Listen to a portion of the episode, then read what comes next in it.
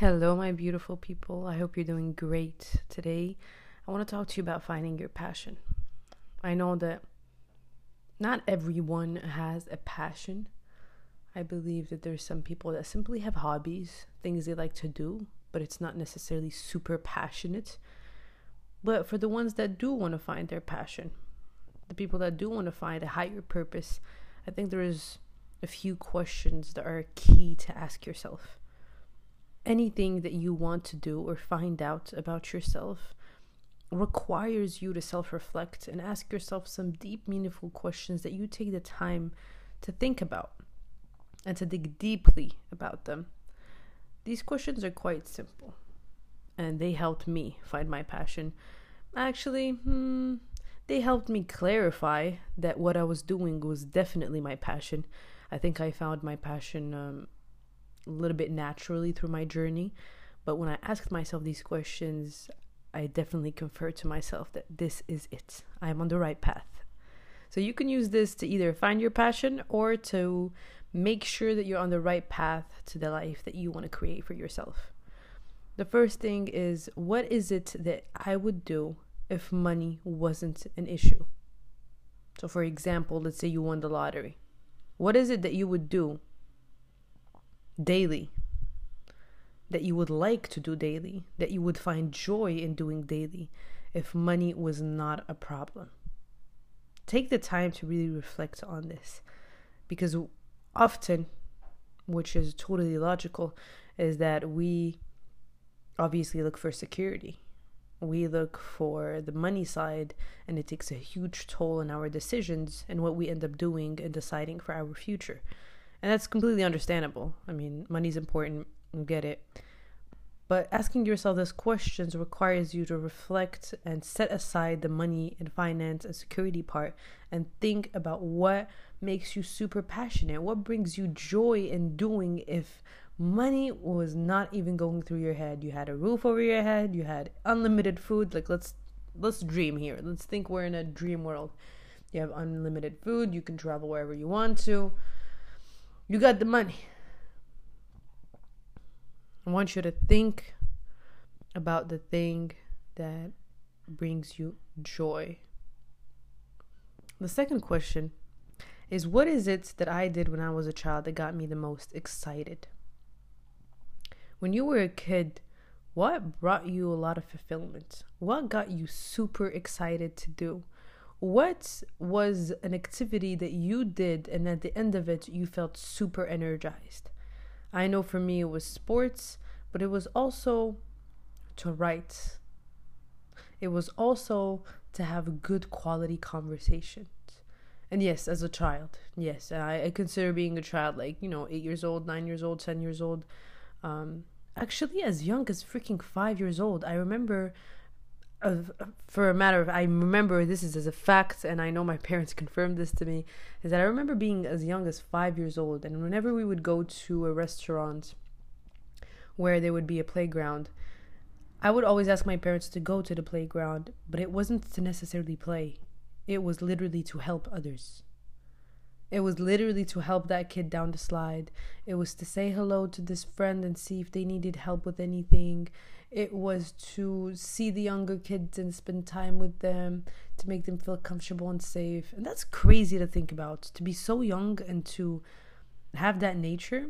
It's quite insane. And to think about what I do now on, on social media and on the internet. And it's insane. I think it relies perfectly to what I do today and the purpose that I have found. So I know that when I was a child, I really took a lot of pleasure in helping others. I know that I got super excited when we had um, my mom or my dad gave me the opportunity to help someone. So if we saw someone that's homeless, they wouldn't go and help them. They would give me the opportunity to help them either by giving me the money to give them or by telling me to go buy a certain food or a certain drink or whatever it is and it was me that gave it to that person and that made me feel really excited and it may be a weird uh, word to to use or not i mean it's quite reasonable to be excited to help others i guess not for everyone but for me definitely I know that got me really excited. I know that writing got me really excited. I used to be, I don't even know who I got this from, but I would write very often to my parents. very often. I would write them letters with little drawings and coloring, and I would give it to them.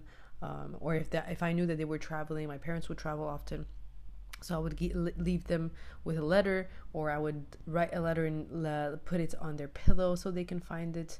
Dang, you know, really thinking about this, I was a really loving child, even if I had a hard childhood, a hard living environment, a hard relationship with uh, my mother particularly. I was very loving. Yeah, damn, that's making me emotional right now. but I know that that's what got me excited. I know sports got me excited, but that's not the path that I chose. I think if I could have been anything, I would have loved to become an athlete. I love the lifestyle, the lifestyle of an athlete. I love their mindset. I love their discipline, their routine, how much they prioritize their health. I love that they excel in one particular skill. I freaking love that. And honestly, if I could choose anything else to be anything else, it would definitely be an athlete. I wish my parents um, put me in one sport specifically when I was younger. They did. I was just the child that wanted to change every time. But I wish I stayed in one. I played so many different sports. They put me in so many different clubs but I would always ask to change. And I know why I wanted to change because I was an overweight kid and I always had quite bad experiences wherever I went, either from the children or the professors that made unnecessary comments about my weight and also my self image. I always felt like I was, you know, the fat child. Um, I didn't really believe in my potential because I was really insecure. So that's not on them. I blame myself. but I was a kid. I don't actually, but I forgive myself for that, but I'm able to understand why that wasn't the case. Again, the next question was when I wanted to go in one direction and people talked me out of it, what did I want to do? What did you want to do when you wanted to do a particular thing? Even if people talked you out of it. What is one thing that you are sure of? What is one thing that you know you love to do, to have, to speak about? What is it? And I'm going to diverge this question to say if you could speak about one topic for five minutes straight, what would it be? What topic would it be? It could be arts for you, it could be uh, sports for you, it could be something that has to do with the news, you could be about furniture, it could be about a TV show. It could be about a certain product that you love. It could it could be about um, cuisine. Really, there's so many things. I'm just trying to give you a few things to think about. Maybe that could guide you to and lead you to the topic that you actually love. But to think about something that we can talk about with no problem already tells us that we've had enough interest in it to know enough about it to speak five minutes straight about it again, you being able to speak about a certain topic for five minutes doesn't mean that it's your passion, but it is a good indicator that this topic or something similar to it is something that you really love. Next question is what do I believe strongly in? Maybe your values, maybe the principles that you live by. Maybe you have a certain opinion that could be common or not common could lead you to discover something that you're really passionate about. I believe strongly that we are all here to help each other. I think we are all here to be of service to something or someone. So that's a strong belief that I have, and that leads me directly to what I do today. Give yourself some time to reflect on it. Obviously, all of these questions are not necessarily easy to think about. So take your time. If you don't have the answer right now as you're listening to this, don't worry about it. Just write it down and make it a habit for you to think about it a few times throughout the day. Or maybe just have it in the back of your mind. So when you have some free time, you're riding the, the train, you're walking somewhere, the question pops into your head.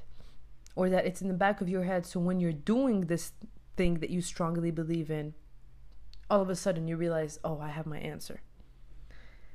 Now, the last question, oh my, I think is the most important. I really believe it's the most important. What would I do if I knew I couldn't fail? You know, so many of us are literally paralyzed from fear.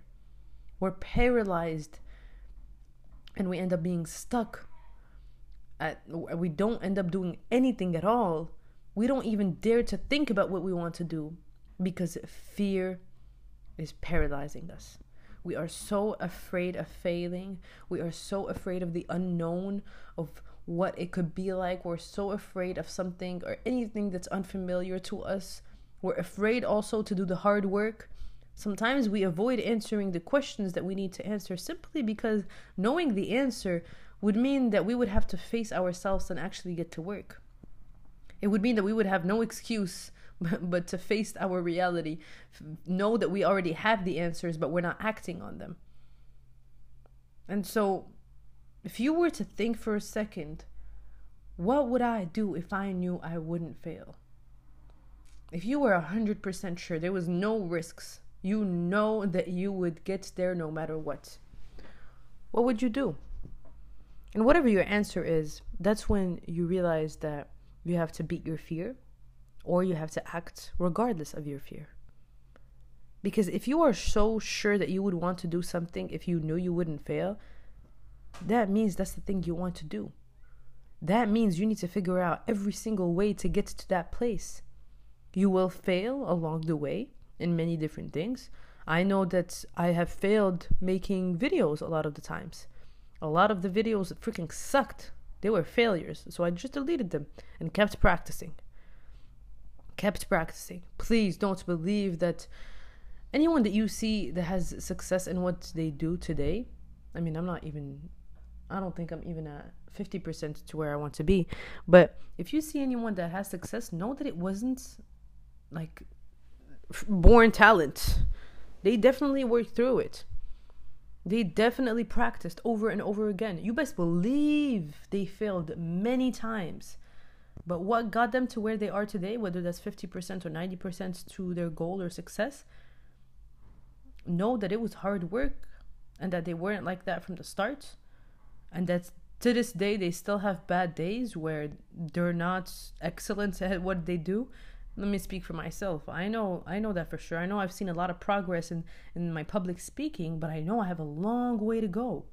But I know that I wouldn't be here where I am today if I didn't accept my failures and moved forward. I could have given up by the first few failures. Matter of fact, I could have stopped by the first. But I knew that this is what I wanted to do. I knew this was my purpose. I knew I loved doing this, even when it's scary, even when it's hard. So I had to keep going.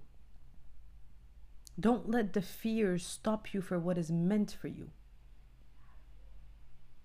Expect to fail know that it's coming and get comfortable with it.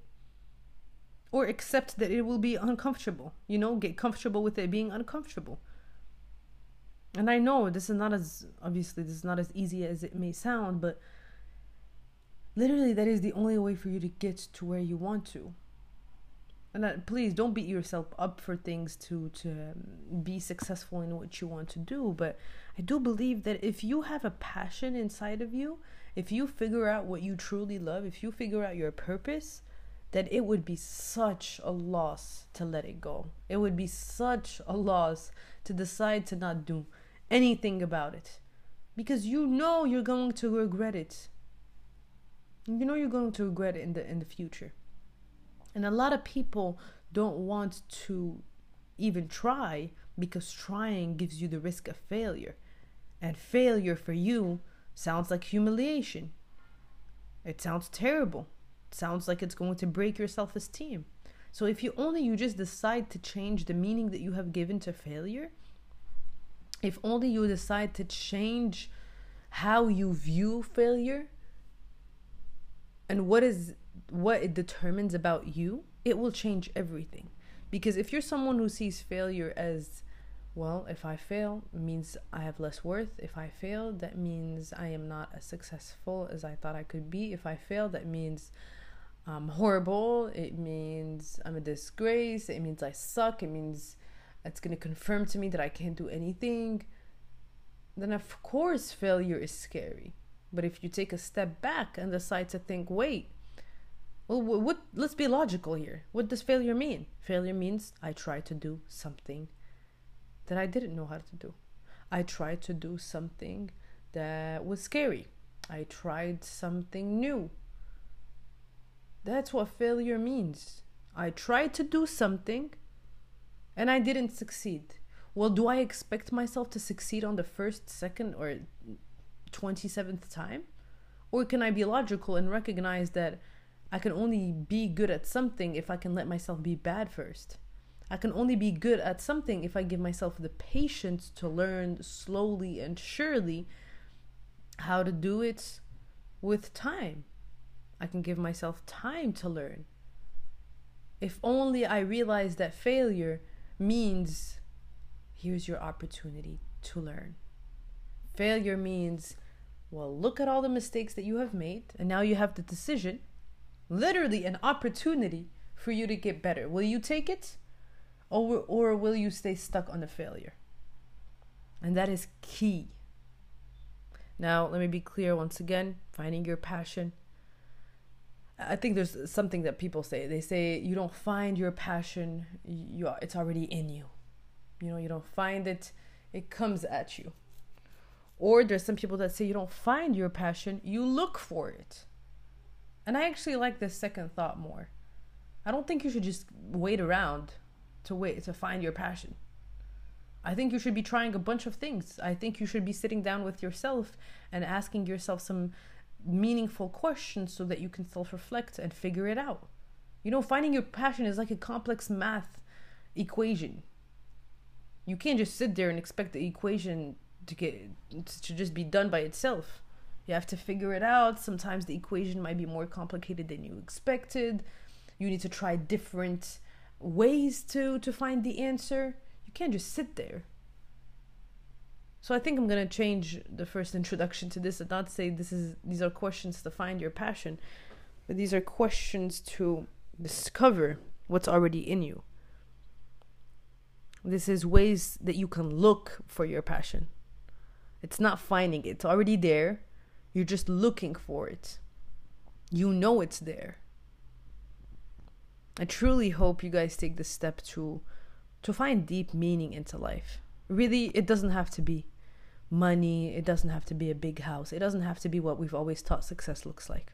A passion to me is just something that gives you purpose, whatever that may be, something that brings you joy, and helps you live a pleasant life. Because to me, that is the goal of life. If finding your passion and living your passion gives you the opportunity to have money and to have the house that you want and etc great i think that's a bonus that's a i mean it's a huge bonus that's for sure but i don't think that's actually the real purpose of life it's absolutely not life is so complicated with so many ups and downs and it feels like a game to me, that's the analogy I always give it. Life is literally a game. I think it's quite insane to think about it. And because it's so complicated and because it's so unexpected and so uncontrollable sometimes, the biggest purpose and the biggest success that we can have in this life is figuring out the secrets, figuring out the tools, figuring out the ways everything that you need to do to live a pleasant, good quality experience of this short life that we have. That's the goal right there. So many people are living a dull life. I mean, sure, they reach their, their they reach their financial goals. They get married. They do that. They do this. You know, they do tangible things but they don't figure out the unta- intangible thing the thing that you can't actually touch the happiness the contentment the peace that's literally everything because no matter how much of the tangible things you have if you don't have the intangible technically you have nothing you won't even get really to to feel the pleasure of all the tangible things you have you won't feel it I mean, we've all heard this. We've all heard of this. Celebrities or famous people or really rich, successful people, they have everything they can ever wish for, but they don't have the internal things. They don't have the peace. They don't have the fulfillment. They don't have the enthusiasm about life. They don't have gratefulness. They don't have health. And these are the things that really, really, truly matter. The tangible things are extra.